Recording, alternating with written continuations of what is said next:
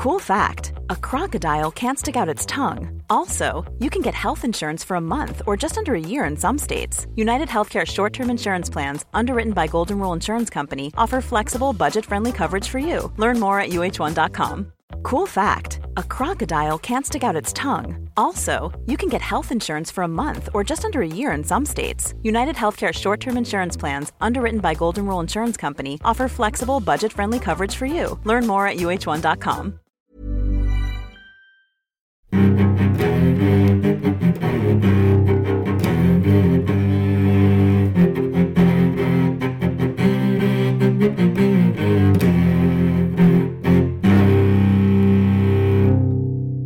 CSR-podden med Åsa Stenborg och Torbjörn Olofsson. Eh, hej och välkomna till CSR-podden där vi tittar lite närmare på vad CSR är, hållbarhet och ansvarstagande och sånt är. Idag ska vi prata med eh, Karin Strömqvist Båte. Och hon är alltså ny generalsekreterare för SVN Sweden. Inte ny egentligen, för hon har varit där i åtta månader. Men hon är ju ny för nätverket. Hon, hon, är ju ny här ny, i CSR-podden. Ja, nygammal. Och det är faktiskt vår första uppföljare. För att ja. vi har ju pratat med den tidigare generalsekreteraren Pia Hjärtfeldt. Just det. Eh, följ oss gärna på Facebook, gå gärna in och gilla sidan och skriv vad du tycker och om du vill ha andra personer som du tycker att vi ska prata med. Men nu, Karin Båte. God lyssning. Välkommen hit Karin! Tack så mycket! Och du, du har tagit med dig bullar. Jag tror du, du är den, med den första gästen som har kommit på det tricket att ta med bullar hit. Det var ju trevligt, tack! Varsågod! Är det en tanke bakom det att vi ska vara lite snällare mot dig? Eller? Ja, det här är ju ekologiska stenugnsbakade bullar så att jag tror att de passar er som jobbar med de här frågorna. Mm. Fantastiskt bra! Tack så jättemycket i varje fall! Och välkommen hit!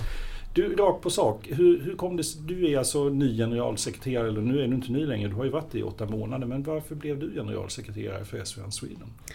Ja, det kanske man skulle fråga vår styrelse om. Men eh, jag kan ju berätta hur jag hittade annonsen. Den dök faktiskt upp som en, ett litet tips via digitala kanaler.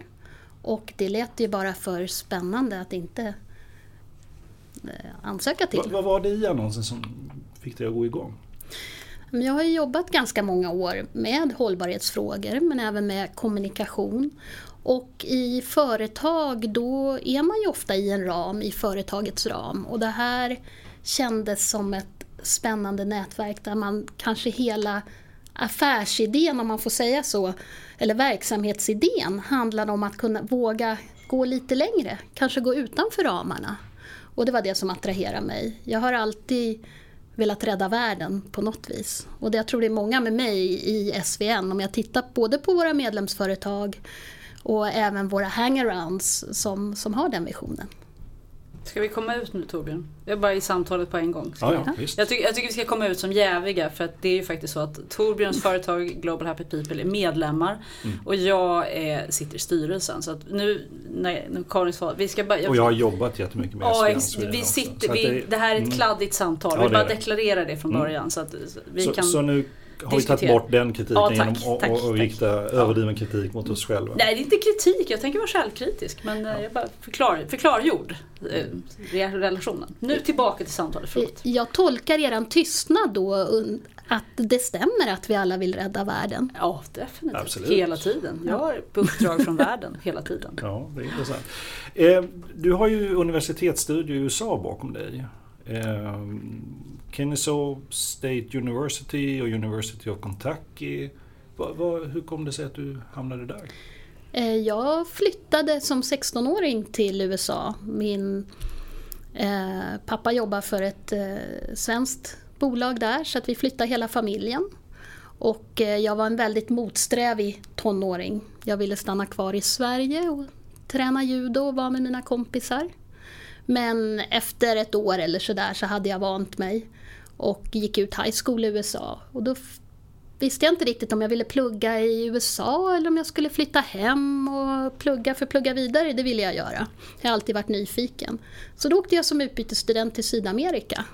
Och så när jag kom hem därifrån så blev jag erbjuden ett eh, akademiskt stipendium. Så då tänkte jag, varför ska jag åka hem och dra på mig studieskulder när jag kan stanna här och plugga gratis? Var din familj kvar i USA då? Eller var det bara du kvar då? De åkte hem efter fyra år och jag blev väl kvar utomlands sju, åtta år. Mm. Efter USA-tiden så hamnade du på ett otroligt typiskt amerikanskt bolag. Det var din första karriärsavtryck, nämligen Coca-Cola. Ehm, och sen i slutet av 90-talet blev du Coca-Cola Sveriges miljöchef. Och då har du alltså rört dig från vad som kanske började som marknad och kommunikationstjänster till att hamna som miljöchef. Vad var det som hände däremellan?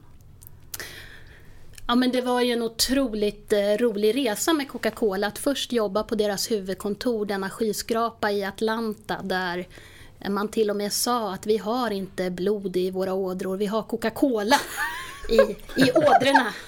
Och första dagen blev jag tillsagd på jobbet. Jag hade köpt en ny liten dräkt som man skulle ha då på 90-talet. Eh, one thing Karen, we don't wear Pepsi Blue here. Så det var bara att hänga in den där mellanblå dräkten i. Du kom till Coca-Cola i en Pepsi-dräkt. Yes, fast det visste jag inte då. Aj, aj. Ja. Nej men Det sen... hade man sen inte ens kunnat fantisera ihop liksom att det var så. Ja. Nej, men Ja. så var det. Eh, och eh, eftersom jag hade pluggat då marknadsföring och kommunikation men även då world development så tänkte jag att ja, men ett globalt företag som är ganska bra på det, det blir väl bra att jobba för. Och så blev jag erbjuden då ett jobb i Stockholm. Ehm, och så började ju kunderna efter några år, de började ju fråga lite jobbiga frågor. Om transporter, om förpackningar. Eh, och då var väl jag den som visste mest av de som inte visste så mycket. Så att, eh, Vilket år är vi på nu? nu är vi mitten på 90-talet. Och sen fick jag mitt första barn 97. Och då började jag tänka ännu mer på det här. Men vad spännande med kunderna som frågar vad, vad mycket vi skulle kunna göra tillsammans. För Coca-Cola gjorde ganska mycket redan då. Var, var ju väldigt drivande inom lättviktsförpackningar, återvinning och transporter. Och inte så många som visste om det. Så att eh, när jag kom tillbaka från min mammaledighet så fick jag uppdraget att göra en utredning just om Coca-Colas miljöpåverkan och hur skulle vi kunna jobba med det i, i Norden? Eller minimera det avtrycket. Och då kom vi, jag ju förstås fram till att de behövde en miljöchef och då fanns jag där. Men så logiken är att du, din ådra att vilja rädda världen, den vaknade i samband med att du fick barn? Är det en...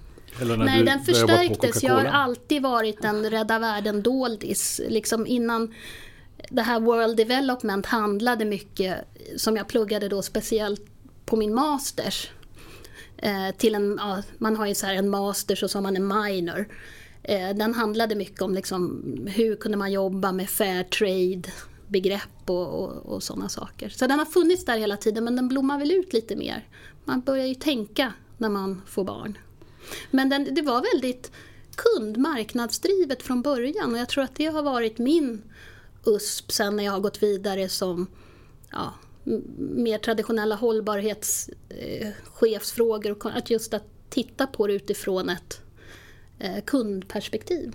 För du, du gör ju sen en sån här riktig karriärs... Eh, rörelse, Du blir Corporate Citizenship Director på DHL och sen blir du Senior Expert at Department of Public Policy and Sustainability på tyska posten eller Deutsche Post. Och den sista placeringen var ju i Tyskland också.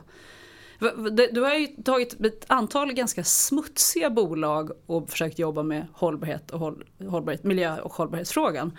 Vad är liksom dina erfarenheter du har tagit med från de positionerna? Mm. Det är ju det som har varit så att varje miljö och hållbarhetschef måste ju sträva efter att få jobba inom sådana bolag. För det, du kan göra så otrolig skillnad med små medel. Tänk dig hela DHL som finns globalt om du transporterar ännu lite smartare.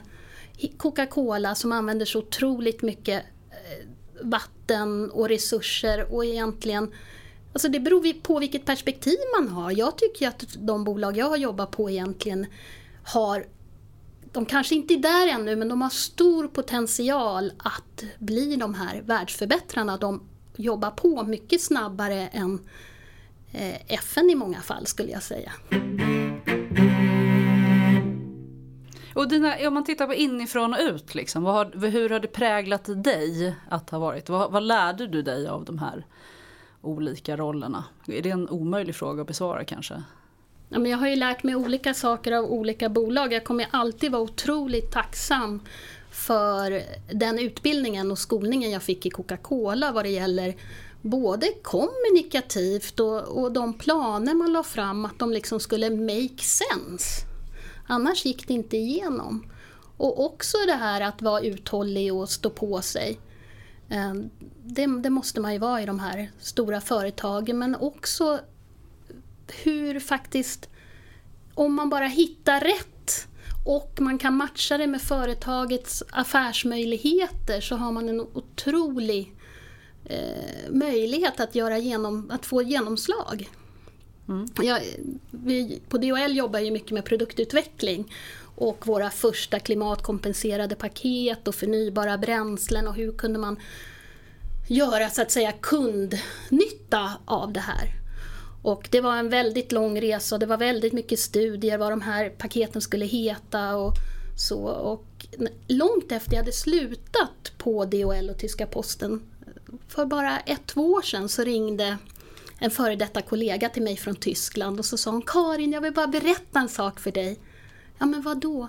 Ja men vi har haft ett kalas här på huvudkontoret. Ja, vi har firat att vi har skickat vårt miljonte gröna paket. Mm. Så att man blir också ödmjuk inför att förändring tar tid.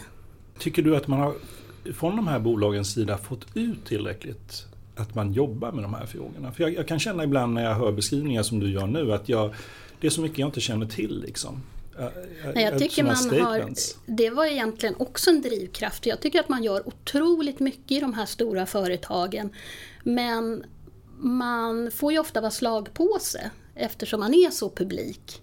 Och då blir man väldigt försiktig i sin kommunikation och tycker att det är bättre att inte säga någonting alls, kanske bli upptäckt. Men det är inte så många som vet till exempel att Coca-Cola, det här med vatten och att vatten kommer bli en resurs som blir väldigt dyrbar, det hade de ju koll på för 20-30 år sedan. De eh, gjorde ett program redan då eh, runt hur kan man vara en positiv kraft i att eh, rädda så mycket färskvatten som möjligt och vara den mest effektiva dryckesproducenten vad det gäller användning av färskvatten. Och mycket, ni bara tänker på er själva när ni reser. Vad väljer ni om ni vill ha en säker dryck? Ni väljer en buteljerad läskedryck för ni vet att den vattenrenings... Nej, det hade vi inte gjort. Det hade vi inte gått på. en vattenreningen är, är säker så man exporterar ju mycket teknologi och använder även sina fabriker om det blir katastrofer och kör ut färskvatten och sådär. Mm. Det som är roligt i det du säger är ju så klingande musik. Det är att hitta musklerna i det stora bolaget. Och kan man hitta musklerna och ställa om den med mycket möda och stort besvär då kan man få väldigt stor effekt. Det är ju charmerande med, med en sån stor aktör som vågar, till slut, ofta trögt, men ändå mm. ge sig in på en sån sak. Då kan ju effekten vara makalöst häftig. Faktiskt. Då kan man verkligen rädda världen. Ja. Du, apropå slagpåse så tänkte jag, du, du gillar ju att slåss har jag förstått. Eller, eller åtminstone du gillar att kasta folk. Eh, tre dagen har jag hört någonting om. Jag vet inte vad det innebär men vad, vad är det? Ja, jag vill ju inte kalla det en definition gilla att slåss utan det är snarare tvärtom att jag gillar att kramas. Ah. Men jag har tredje gradens svart eh, bälte i judo. Så tredje gradens svart bälte i judo det är att kramas? Ja, och det är att nyttja motståndarens kraft till sin egen fördel kan man väl mm. säga. Så det är väldigt eh, biodynamiskt uträknat. Man kommer mm. under en andras tyngdpunkt och kastar. Eh, händer du, men du, det händer att du kramar folk på vanligt sätt också? De landar inte alltid på golvet? Liksom, utan... Inte alltid, men det händer att de trillar på golvet. Oj då. Ja. Mm. Jag har blivit kastad av Karin. Det, det, brukar gå ganska bra faktiskt. Och jag ska säga, det, det, jag måste skvallra här, för det är nästan det roliga som finns när Karin på sitt ödmjuka sätt förklarar att vi kramas på judogolvet. Och sen med den här ljusa stämman förklarar, och så här gör man ett armlås. Och då måste man bända här, då går armen av. Och man som elev står bredvid och tänker, åh herregud så brutalt. Men hon gör lika vänt liksom, det är fascinerande. Ja, det, det är viktigt att veta fakta när man håller på med en... Judo kommer ju från början från en stridskonst, även om man har tagit bort de farliga momenten, så att man kan tävla i det utan att, att skada sig. Ja, slåss, Jag- det var ju det jag sa. Jag är väldigt stolt över Åsa. Nu ska vi outa nu mer här. mer. Hon har alltså tagit sitt första bälte i judo. Grattis! Ja, det var Visste inte när jag var 12. Har sjätte Q, halvgult och hon går mot helgult bälte i december tillsammans med sin Judo for Ladies-grupp som vi har startat. Wow. Så Fast snart du kommer inte- du också kramas på ett helt nytt sätt. Absolut, jag kan fälla dig när du vill. Ja, det, det kunde du säkert innan också. Gruppen hette Judo Light for Ladies men det är inte så light så att nu har vi döpt om den till Judo for Ladies bara. Ah, okej. Det är väldigt roligt. Väldigt roligt. vad, vad är din tyngsta merit inom judo? Eh, ja. Har du vunnit någon tävling eller? Det, man kan, det kanske inte så. Jag, jag vet för lite om judo så jag ställer säkert fel frågor. Nej, jag har vunnit ungdoms-SM i judo, vunnit amerikanska high school-mästerskapen, Wow. trea på öppna skandinaviska, så jag tävlar ganska mycket men det var ju inte riktigt en så digital tid när jag flyttade till USA så det var lite svårt att hålla kontakten. Det fanns inte så mycket damjudo i amerikanska södern. Det var lite andra sporter, cheerleading och sånt och det var inte riktigt min grej. Så du var tvungen att lägga ner judointresset när du flyttade till USA? Nej, jag reste och tävlade ganska mycket där också men det blev väl inte riktigt samma satsning som om jag hade stannat kvar i Sverige och fortsatt i ungdomslandslaget.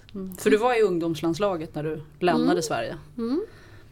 Och- Men, men tävlar du nu idag fortfarande? Nej, nu tränar jag mest andra. Okej. Ja. Mm. Du, finns det erfarenheter som du har tagit med dig från judon i ditt arbete i näringslivet? Eller är det helt aparta verksamheter? Liksom, ser du kopplingar emellan? Nej men jag tror en koppling handlar, och det lär man väl sig inom all sport, att eh, man måste öva väldigt mycket för att bli bra på någonting. Och man är aldrig fullärd. Man får vara lite ödmjuk. Men jag brukar också säga det att den som, klar, som kan konsten att falla klarar sig alltid. Det där var en fin koppling. Shit, nu blev det visdom på en hög nivå måste jag säga. Och sen, jag har min farmor, hon är 96, det är min mentor. Hon är, henne kan man alltid ringa till. Och hennes Vad hon svar för när man har på gjort... bältet? Ja, hon har faktiskt varit med och tränat men hon har ingen färg på bältet. Men hon är liksom... Ja, hon kan mental judo. Hon säger alltid man säger dumma saker, man gör dumma saker, men det är bara att bryta ihop och komma igen. Mm, är Ja. en sanning. Jag ska inventera lite vad ditt hjärta egentligen ligger. Om, om du skulle få ett erbjudande att bli judoförbundets ordförande eller du skulle få ett erbjudande att bli CSR-chef på Vattenfall. Vilket skulle du välja? Oj, det var ju en svår fråga. Wow! Ställ, nu ställer vi en svår fråga också. Nej, men jag skulle ta Vattenfall för jag tror att det finns otroligt mycket potential. Och det finns mycket gott inom Vattenfall också. Jag vurmar ju lite för det här med storbolag och jag, jag tror på dem. Och jag, jag kan tycka att det är lite orättvist att eh,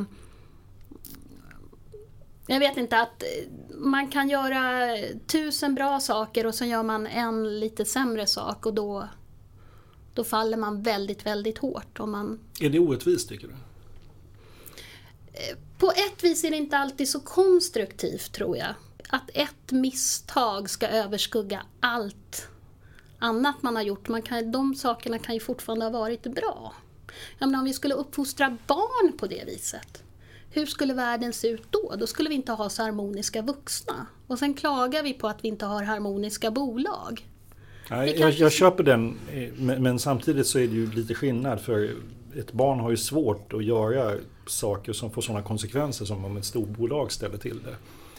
Eh, om man välter ett eh, oljeborrningsplattform nere i Sydamerika eller någonting så. Det blir lite större konsekvenser än om, om någon välter ett glas mjölk hemma. Liksom. Ja, men jag tror att det har hänt, mm, kanske, jag ska omformulera mig, jag tror att det kanske har hänt många små vältor innan och hade man haft en öppnare kultur där man kunde prata mer om sina misstag. Det eh, och diskutera hur kan man göra saker bättre, då skulle man inte ha vält en oljeplattform, då skulle man aldrig ha investerat i brunkol, då skulle man aldrig ha hamnat där. Det händer någonting på vägen i stora företag. Där kanske de här whistleblowers ibland tystnar och sen så liksom åker man snett. Det var kanske lite mer så jag menar. Ja, jag jag menar förstår. absolut inte att det är någon ursäkt.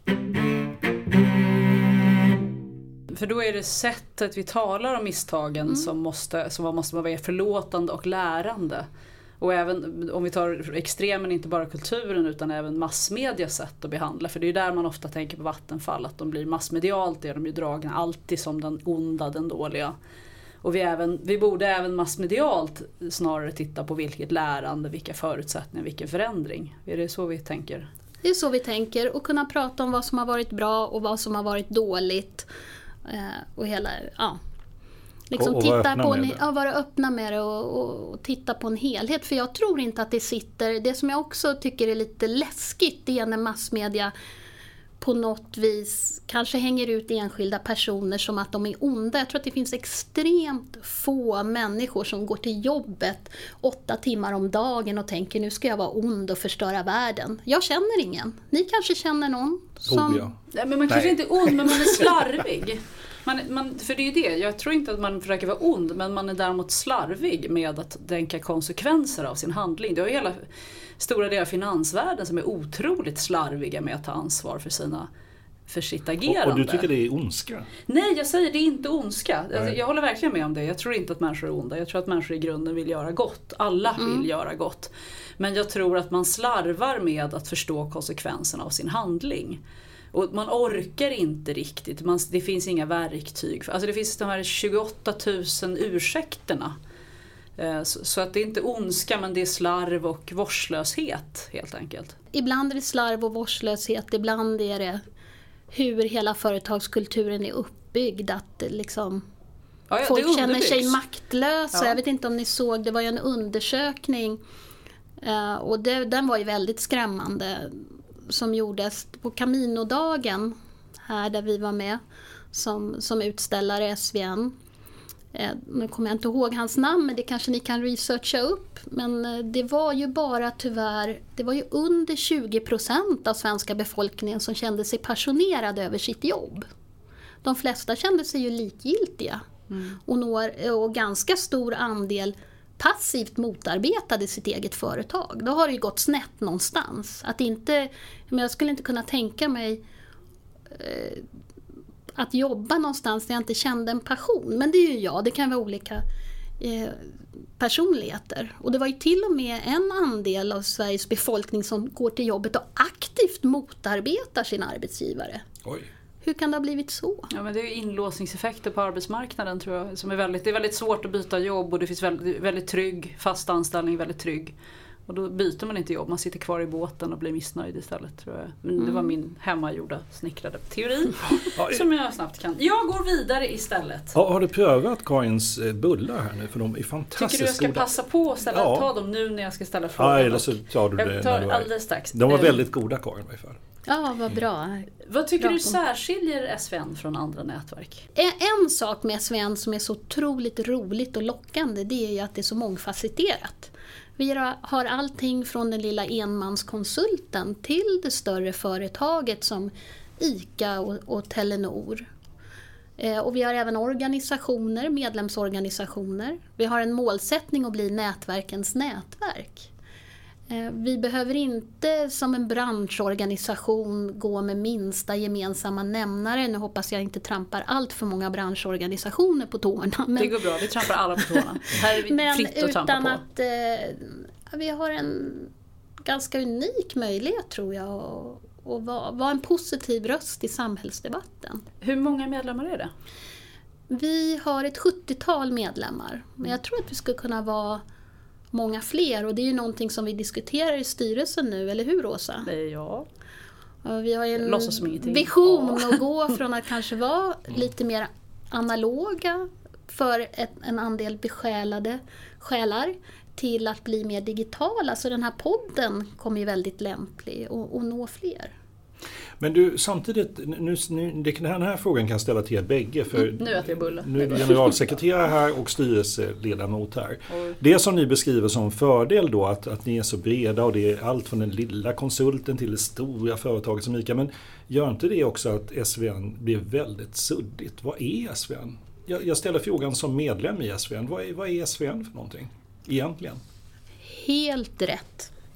Det är vår största fördel och vår största utmaning och därför måste vi bli än mer visions och idéstyrna. För då spelar det ingen roll om du är stor eller liten men om, du, om alla kan skriva under på, vi hade ett jättespännande eh, en spännande idékonferens efter vårt senaste årsmöte där vi diskuterade bland annat eh, FNs nya 17 hållbarhetsmål, Agenda 2030 och hur passar våra aktiviteter in med dem.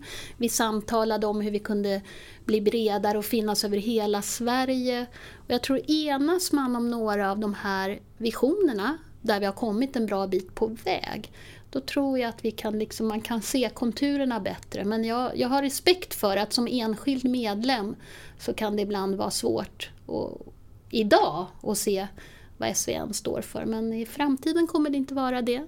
Hur långt i framtiden kommer det dröja innan, innan det blir väldigt tydligt varför man är medlem i SVN?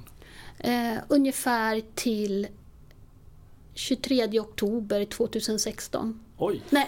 Det, det var väldigt... väldigt jag, måste skriva upp det datumet Ja, vad Nej, hände 23 men, oktober 2016? Men jag, jag, vi har kommit en bit på väg. Vi har ett väldigt spännande Almedalsprogram 6 juli i Donnerska huset. Eh, och vi kommer till hösten att eh, skriva lite mer runt hela vårt program och då tror jag det kommer bli tydligt. Mm. Måste man vara väldigt aktiv själv som medlem för att man ska se fördelarna? Eh, traditionellt har det varit lite så som det är i alla ideella organisationer att eh, ju mer du lägger in ju mer får du. Inte alltid en linjär ekvation men vår målbild nu är ju att vi kommer att bli lite mer proaktiva och, och, prata med varje medlem runt det här med medlemsnytta. För vi har insett att medlemmarna är olika, man är i ESVN av lite olika anledningar. En del vill få inspiration, få kanske ett bredare nätverk. Andra vill eh, jobba mer med kommunikation, kanske dialoga på Almedalen. Så att vi, vi måste hitta det här som triggar varje enskild medlem och bygga lite, lite nya strukturer och konstellationer. Tycker du så också Åsa? Ni, ni har samma vision kanske? Jag tycker helt olika. Tycker absolut. Ja. helt tyst. It's that time of the year. Your vacation is coming up. You can already hear the beach waves, feel the warm breeze, relax and think about work. You really, really want it all to work out while you're away. Monday.com gives you and the team that peace of mind. When all work is on one platform and everyone's in sync, things just flow wherever you are. Tap the banner to go to Monday.com. Hey, it's Ryan Reynolds, and I'm here with Keith, co star of my upcoming film, If, only in theaters, May 17th. Do you want to tell people the big news? All right, I'll do it. Sign up now and you'll get unlimited for $15 a month in six months of Paramount Plus Essential Plan on us. Mintmobile.com slash switch. Upfront payment of $45 equivalent to $15 per month. Unlimited over 40 gigabytes per month. Face lower speeds. Videos at 480p. Active Mint customers by 531.24 get six months of Paramount Plus Essential Plan. Auto renews after six months. Offer ends May 31st, 2024. Separate Paramount Plus registration required. Terms and conditions apply if rated PG. Here's a cool fact. A crocodile can't stick out its tongue. Another cool fact you can get short term health insurance for a month or just under a year in some states. United Healthcare short term insurance plans are designed for people who are between jobs, coming off their parents' plan, or turning a side hustle into a full time gig. Underwritten by Golden Rule Insurance Company, they offer flexible, budget friendly coverage with access to a nationwide network of doctors and hospitals. Get more cool facts about United Healthcare short term plans at uh1.com. tycker helt olika. Nej, jag håller med, absolut med om vad Karin säger. Jag tror att vad SVN behöver bli det är att, man, att vi blir tydliga med att segmentera medlemmarna. Jag tror att vi har haft en medlemsklump. Liksom, Ska vi segmentera? Vi, vi ska bli segmenterade. Ni som ska bli segmenterade, Ja. exakt. Men jag tror att resultatet av att man går runt och pratar om vad är du ute efter som medlem. Det är att man ganska kanske kommer hitta en logik. Om den logiken är stora och små eller ideella organisationer och kommuner. Eller, eller vi är ganska nya på hållbarhetsfrågan. Så vi vill, vi vill gå och bli inspirerade och söka kunskap. Eller nej men jag har jobbat med det här ganska länge. Jag vill ha samarbeten. Jag vill hitta samarbete och fördjupningsprojekt. Vi måste börja se de där grupperna och jobba systematiskt för att tillfredsställa de grupperna på ett annat sätt. Och sen tror jag sanningen fortfarande att i, om du inte är en nybörjare inom hållbarhet, det vill säga du söker kunskap och inspiration, för det är väldigt många som gör ändå fortfarande. Då är faktiskt det, då är SVN en plattform där du själv måste bli aktiv. Men det är en väldigt bra plattform att bli aktiv på. Därför att den är så pass neutral. Den kan ge den lilla ett utrymme att träffa oväntade andra aktörer. Det kan bli ett fördjupade projekt, det kan bli en massa saker. Men det är sanningen att det kommer inte bli någonting om du bara sitter på en stol och väntar på att det ska hända. Det, medlemskapet är så pass lågt att det bara är entrébiljetten. Och den kanske är värd att ha även om man inte utnyttjar det vartenda år. Utan när man var tredje år får jag ett så här, åh nu ska jag minsann göra någonting. Då kanske det är värt att vara kvar i tre år för att, för att stiga på sen och bli mer aktiv. För att hålla sig ajour med nätverket. Åsa, vad gör jag här? Men det där var ju perfekt. Hoppas att det där Men känns nu. Så jag styrelsen. Vi- sitter vi- i en så styrelse, det är så nu lugnt. behöver jag inte säga något mer. Då kan jag gå hem. Vi klipper bort allt det där. Så, så det blir bara du kvar. Karin. Eh, du klev in i, i ändå SVN och tog över en organisation som, som hade medlemmar och, och eh, var i full drift så att säga. Vad, vad kände du att det här tänker jag gå in och förändra på en gång? Fanns det sådana saker? Eh, nej, jag känner mig ganska ödmjuk inför att det här är ett av Sveriges äldsta nätverk. Så det första jag ville göra var väl att lyssna in och, och förstå verksamheten som den fungerar idag. Och, eh, vara med, och, och lära känna mina medlemmar. Och det var ju kul att få träffa dig idag Torbjörn från Global Happy People. Vi har inte fått till ett möte ännu men idag träffas vi. Nu träffas vi så här i ett Ja. podd. Eh, Men sen det som jag hade lite som vision, jag har, tror att det är viktigt att fylla på med ny kunskap och ny kompetens. Och när jag studerade kommunikation och marknadsföring så fanns det ju inte ens mobiler. Och jag behöver be min nioåring hur man sätter på TVn för det är tre fjärrkontroller. Så jag insåg för ett år sedan att jag måste förkovra mig lite inom det här digitala. Så jag har ju faktiskt pluggat digital strategi nu under ett år. Och det är väl en vision som jag har just för SVN. Hur kan vi bli mer digitala? Hur kan vi nå ut i digitala kanaler? Hur, hur kan vi jobba med digitalisering som en möjliggörare för hållbar utveckling? Och det är ett spännande spår som flera medlemmar har hakat på. Vi kommer till och med ha ett seminarium i Almedalen runt det temat. Det, och det, du funderar inte på att ta nätverket i motsatt riktning? När allting blir digitalt och det nästan är omöjligt att lyckas få tag i en personal i en butik utan man måste mejla till kundtjänst och eventuellt få svar tre dagar senare så skulle det vara väldigt attraktivt att träffas fysiskt. Och bli analog. och bara bli ringa på väldigt fasta analog Vi ringer istället. bara på fasta telefoner i vårt nätverk. Svara bara mellan tre och fem. Exakt. Eh, nej men just att, att få en mötesplats för människor att mötas. För att det, det är ju det som på ett sätt känns som att det är nästan en brist i samhället. Att vi träffas för lite. Vi, vi umgås för mycket. Vi, vi har en massa vänner som vi inte vet om de är våra vänner verkligen. Jag ler här i podden, men det ser man inte. Eh, jag tror inte att det ena förskjuter det andra. Jag tror att det här är kompletterande strategier. Vi ska absolut inte ta bort de fysiska mötena, våra frukostmöten. Vi kommer ha en eh, uppstart i höst tillsammans med eh, bland annat en av våra nyare medlemmar, Frans Schartau, runt Gringo Trail som är en filmvisning om turismens påverkan på vår planet och människor. Eh, Så att jag tror att de här kompletterar varann. Och redan nu har vi fått propåer till exempel runt vår Almedag där de frågar kommer det här att sändas för jag kommer inte kunna vara där. Vi kan ju inte ta alla Sveriges företag och organisationer till Almedalen. Några måste få delta digitalt också så jag ser mer att vi utvidgar mötet. Det är komplement. Ja, och förlänger mötena. Du säger att du ska utmana de svenska företagen. Alltså, eh, SVN har en potential att, att eh, vara vitalt och utmana. Eh, ja, utmana hur mycket man utmanar. Men vilken är frågan vi borde utmana kring? Vilka är de frågorna som vi borde liksom, här ska vi sätta? Men eftersom vi är väldigt breda och har under åren jobbat med väldigt många olika frågor så tror jag att vi kan vara en aktör som verkligen kan ta oss an Agenda 2030 och utmana våra medlemmar och andra intressenter. Hur kan vi liksom anpassa det här till svensk verklighet och, och eh, göra det här i praktiken så vi når de här målen 2030. Det, det är en en sån där spännande utmaning som jag tror att vi kan diskutera. Mm, då skulle man behöva skriva om målen också.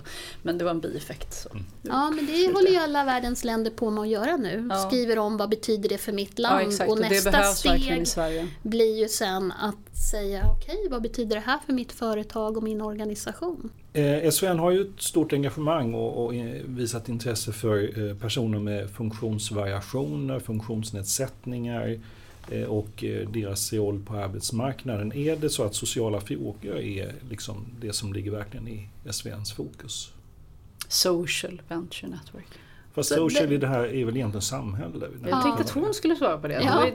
Alltså för mig, men det kan ju vara mina år i USA, så ser ju jag Social Venture Network och historiken, det handlar ju egentligen om, precis som Åsa nu nämnde, liksom samhället.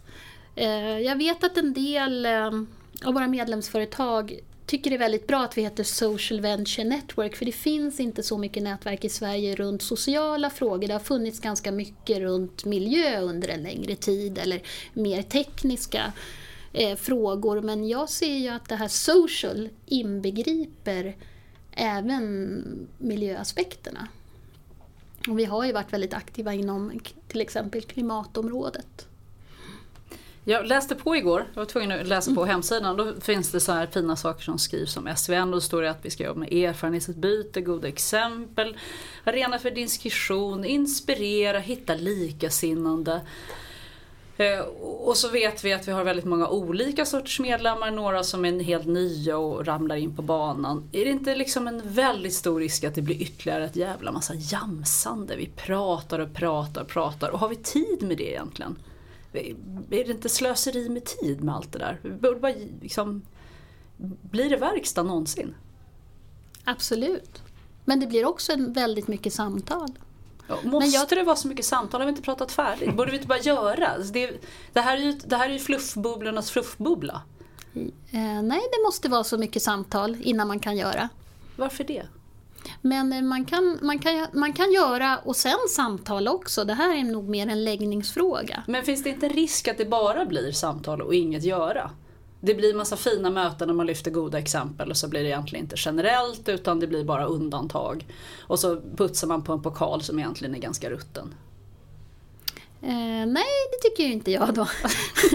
och sen så, men det här är väl en definitionsfråga som vi får diskutera mer med styrelsen. Alltså det är inte styrelsen som frågar nu utan det var Åsa Cisärpodd som frågade ja, Nej, men för att jag tror ändå att verkstaden måste till stor del ske i våra företag och organisationer.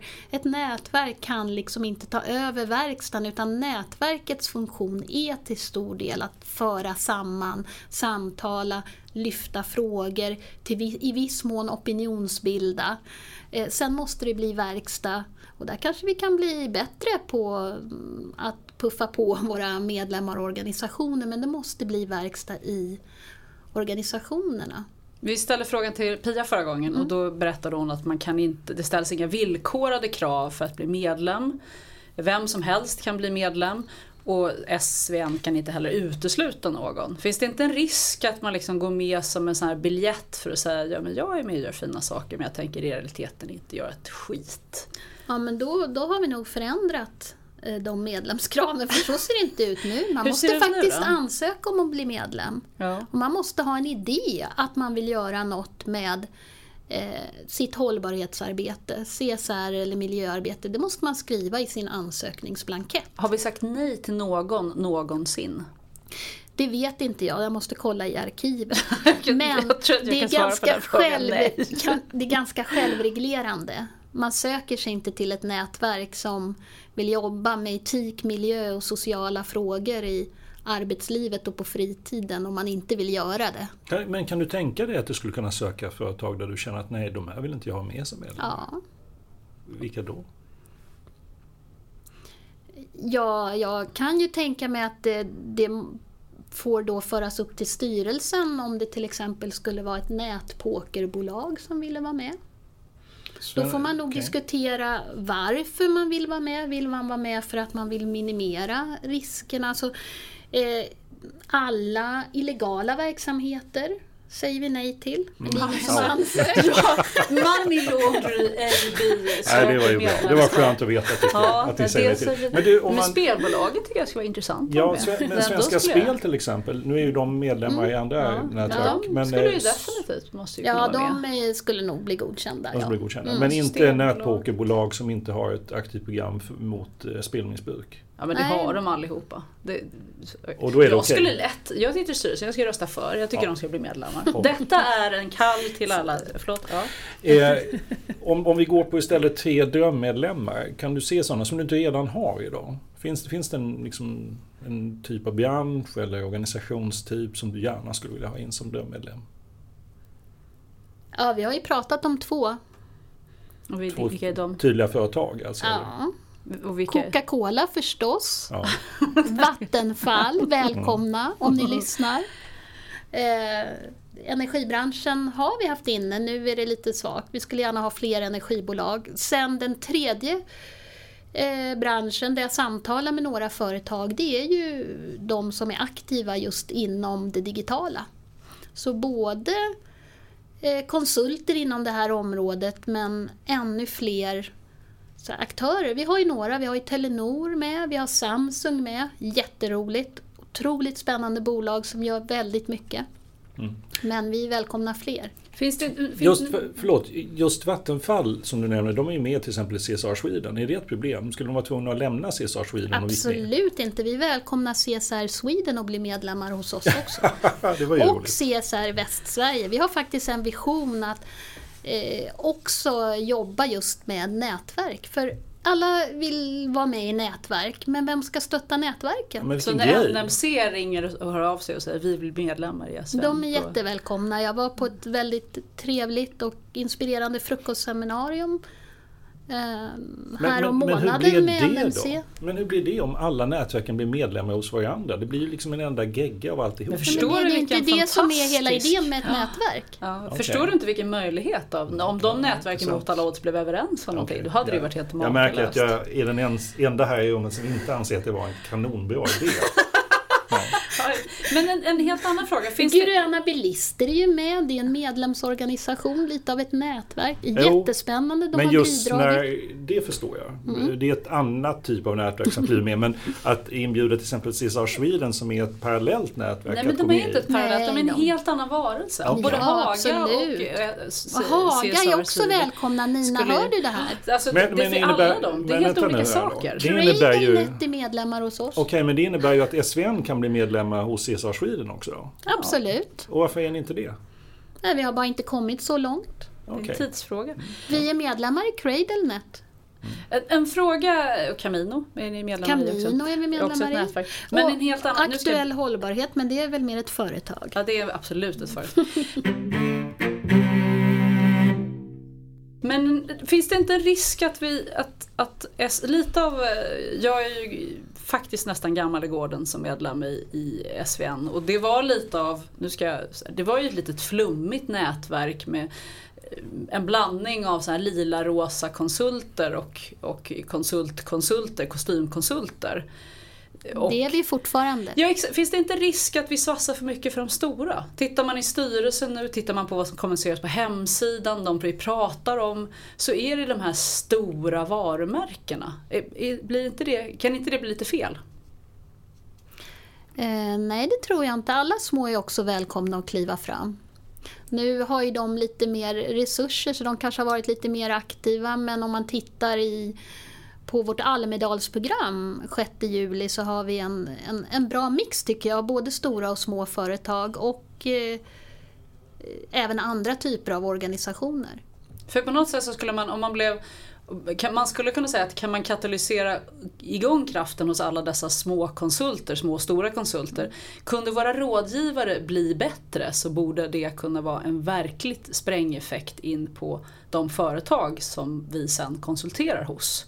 Så det finns ett, ett enormt värde av att, av att ladda eh, konsulter med både kompetens, vilja och erfarenhet på ett helt annat sätt. Och det är inte, det är inte många nätverk blir det här, ja vi vill ha Coca-Cola och Vattenfall för de syns och finns. Liksom. Är det någonting vi missar? Nej, nu kommer svara. Nej, nej det missar vi inte, det, kommer de svara. Nej, nej, men vi kan absolut, jag håller med. Ladda in de små. Mm. Mm. Eh, SVN har ju valt att använda termen CSR Eh, andra pratar ju om planetnytta och mer fokus på planetära gränser och hållbarhet finns. Eh, är det viktigt vad man kallar de här begreppen? Eller liksom vilket begrepp man använder? Det kan ju vara viktigt i olika kretsar. Men eh, de, de har ju alla en lite olika eh, ton eller vad jag ska säga beroende på var man är någonstans. CSR är ju det kanske som används fortfarande i mycket i akademiska kretsar när man forskar på företagens sociala ansvar och så vidare. Då pratar man om den här utvecklingen runt corporate social responsibility. Så därför finns det kvar. Men jag tycker jag välkomnar en mångfald av begrepp kanske till och med skulle vara ett seminarium. Vad ska vi kalla vårt arbete? Vårt Rädda Världen-arbete. Planetnytta är ett spännande koncept som vår konsultmedlem UNWE jobbar mycket med och där har man ju tagit steget längre än att bli så att säga lite mindre dålig för världen utan hur kan man som företag förbättra jordens förutsättningar och människors förutsättningar. Och det tror jag vi kommer se mycket mer av.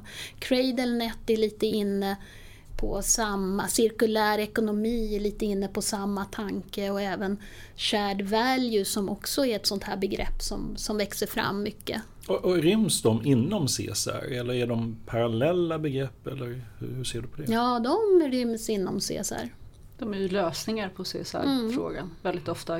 Cirkulär mm. ekonomi är lösningen på de resursutmaningar som hållbarhet ställs, mm. eller som man ställer för inom ramen för hållbarhet. Så nu var jag tvungen att svara på det också. En dellösning i alla fall. Ja, vi nämnde de globala målen för hållbar utveckling eh, som hastigast. Du sa att det är där man skulle kunna utmana. Tror du att de verkligen ger effekt? Så här FN-förhandlade mål på toppnivå. Har du förväntningar på att de kommer sprida sig? Är det Eh, är det viktigt som CSR-aktör att positionera sig i förhållande till de globala målen? Jag tror inte att de där målen gör ett jota om vi inte tar tag och jobbar med dem.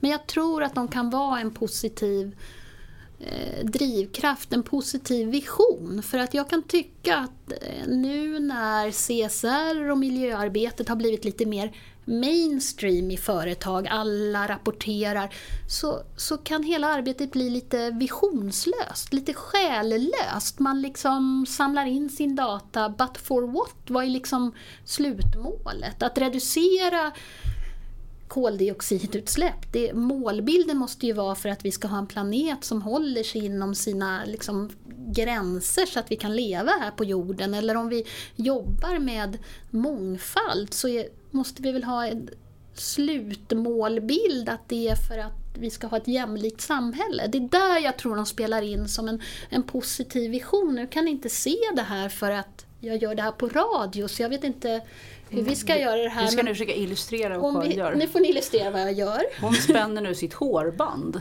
för oss. Ja, och här uppe då, här har, kan vi ha Agenda 2030. Mm. Och här har vi vad företaget eller organisationen i nederdelen, i nederdelen är nu. Mm. Ni märker att det finns en spänning här. Och det ja. finns bara nu drar Karin i bandet så man ser att det... det... Två, två val. Antingen mm. så låter man de här målen vara en vision som företaget, organisationen kan dras mot. Mm. Eller så säger man det här är för orealistiskt, vi bara sänker vår ambition. Och då då blir snodden en rund boll ja, igen och vi hamnade så, på nuläget. Så att va, de du... inte facit. För jag tror att Nej. det är där som folk trillar snett med Agenda 2030 och de nya FN-målen, att det skulle vara något facit. Nej, de är någon slags vision för världen. Sen måste man själv göra själva kartan och vägen dit. Så egentligen när du svarade på frågan, det är 2030-målen som skulle kunna utmana de svenska företagen. Är det kanske ett hållbart ledarskap, alltså att, vara, att våga vara visionär som egentligen är utmaningen? Ja.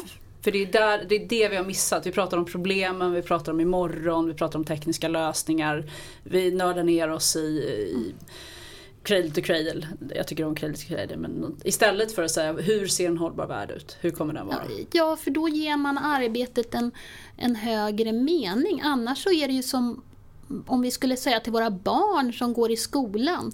Ja men du måste klara ditt eh, matten här. Varför det? Jo, för att du ska klara ett prov. Nej, men vi har, det, det är ju inte därför utan det är för att man ska klara sig i livet och man ska kunna nyttja.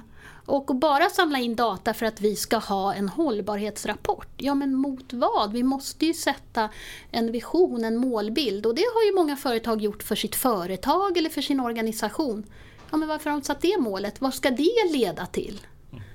Och det är liksom där jag tror vi kan spetsa till oss och våga vara lite mer visionära. Ja, jag, del, jag, delar verkligen din uppfattning om det. Att, att vi behöver verkligen lära oss bli bättre på att måla upp en, en ljusare framtid. Fler samtal om en hållbar värld som musik för mina öron. Mm. Det är en så, åh vad jag, ankan i mig men, bara kvackar av glädje. Men för att direkt krossa det här så måste jag ställa en fråga om, eh, för du nämnde tidigare med misslyckanden. Mm. Eh, I de, om jag uppfattar det rätt så i företag, de stora företagen så är man mer van vid att se hur ska man kunna dra nytta av sina tidigare misstag. Var det så du pratade om det? Eller? Ja, det är väldigt olika i olika företagskulturer skulle jag säga. Jag tror att det finns stora företag som är duktiga på att dra nytta av misstag och det finns stor, men jag tror yt, alltså om man ska kommunicera med omvärlden så är man ofta lite rädd och, och försiktig. Eh, och det tycker jämför... inte du man ska vara? Nej, jag, jag, kan jämföra bara med då den här som jag fått en liten inblick i, den digitala världen, startup-världen. Där har de ju till och med eh, väldigt välbesökta frukostseminarier som heter Fuck Up Mornings, där man berättar om sina misslyckanden, när man gick i konken eller när en app inte fungerar.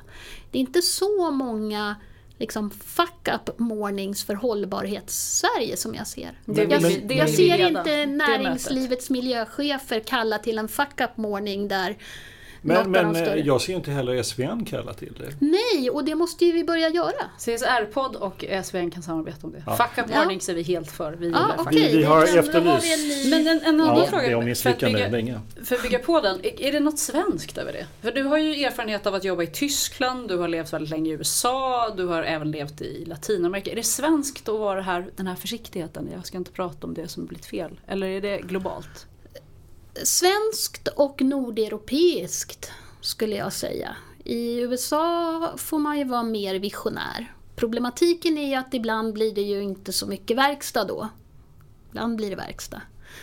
Eh, både Sverige och Tyskland, min upplevelse där när jag jobbat är att man är ganska försiktig, man väntar på att bli upptäckt och det händer ju sällan. Mm. I alla fall inom de här frågorna. Eh, syd, jag har jobbat, eh, jobbar ju med hela Europa och där i Sydeuropa så var det ju också lite mer man, ja, man fick drömma lite mer, diskutera lite tokiga idéer och det var okej att säga nej men du är en idiot, det där funkar ju inte alls. Eller ja, let's go for it. Och det var inga hard feelings, sen var det ut och ta ett glas vin på kvällen. Det är inte riktigt den kulturen vi har i, på våra möten som det, i Norden. Vilken idiot du är. Mm. Finns det saker man inte ska prata om i CSR-världen? Finns det hela kor som man inte borde, liksom, inte borde beröra? Bevisligen så finns det ju väldigt många som tycker att det finns många heliga kor. Men problemet är att det verkar vara väldigt olika inom olika grupperingar och företag. Så att jag vet inte det är en massa olika kor. Ja, jag vet inte vilken ko det är man attackerar. eller, så att jag tycker ju inte det. Jag tycker man ska kunna prata om allt. Mm. Vem inspirerar dig i ditt arbete? Har du någon sån här role model? Den personen. Varje gång jag tänker på den personen så tänker jag ah, det här är kul. Oj, det var en, en svår fråga. Um, Uppenbarligen inte. Det är ingen du har på bild i varje fall över ditt skrivbord som du tänker att den här personen får mig alltid att göra rätt saker.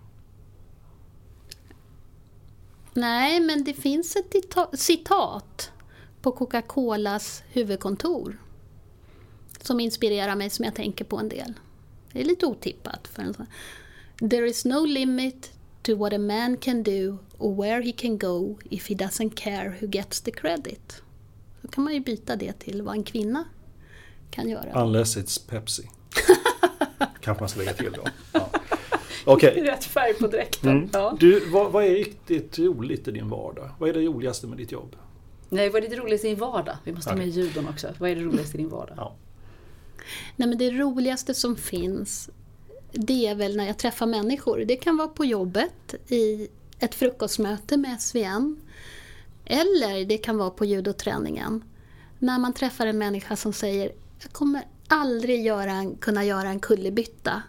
Och sen eh, bara nästa träning så kommer de och säger du, jag vill prova att göra en kullerbytta.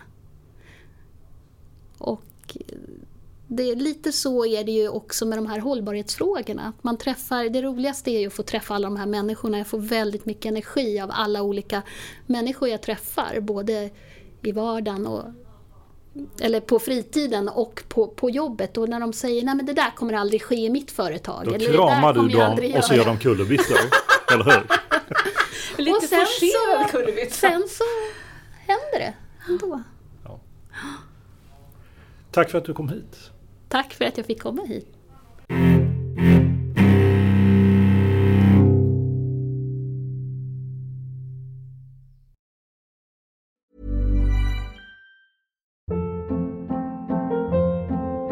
Hold up. What was that? Boring. No flavor. That was as bad as those leftovers you ate all week. Kiki Palmer here, and it's time to say hello to something fresh and guilt-free. Hello Fresh. Jazz up dinner with pecan-crusted chicken or garlic butter shrimp scampi. Now that's music to my mouth. Hello Fresh. Let's get this dinner party started. Discover all the delicious possibilities at hellofresh.com.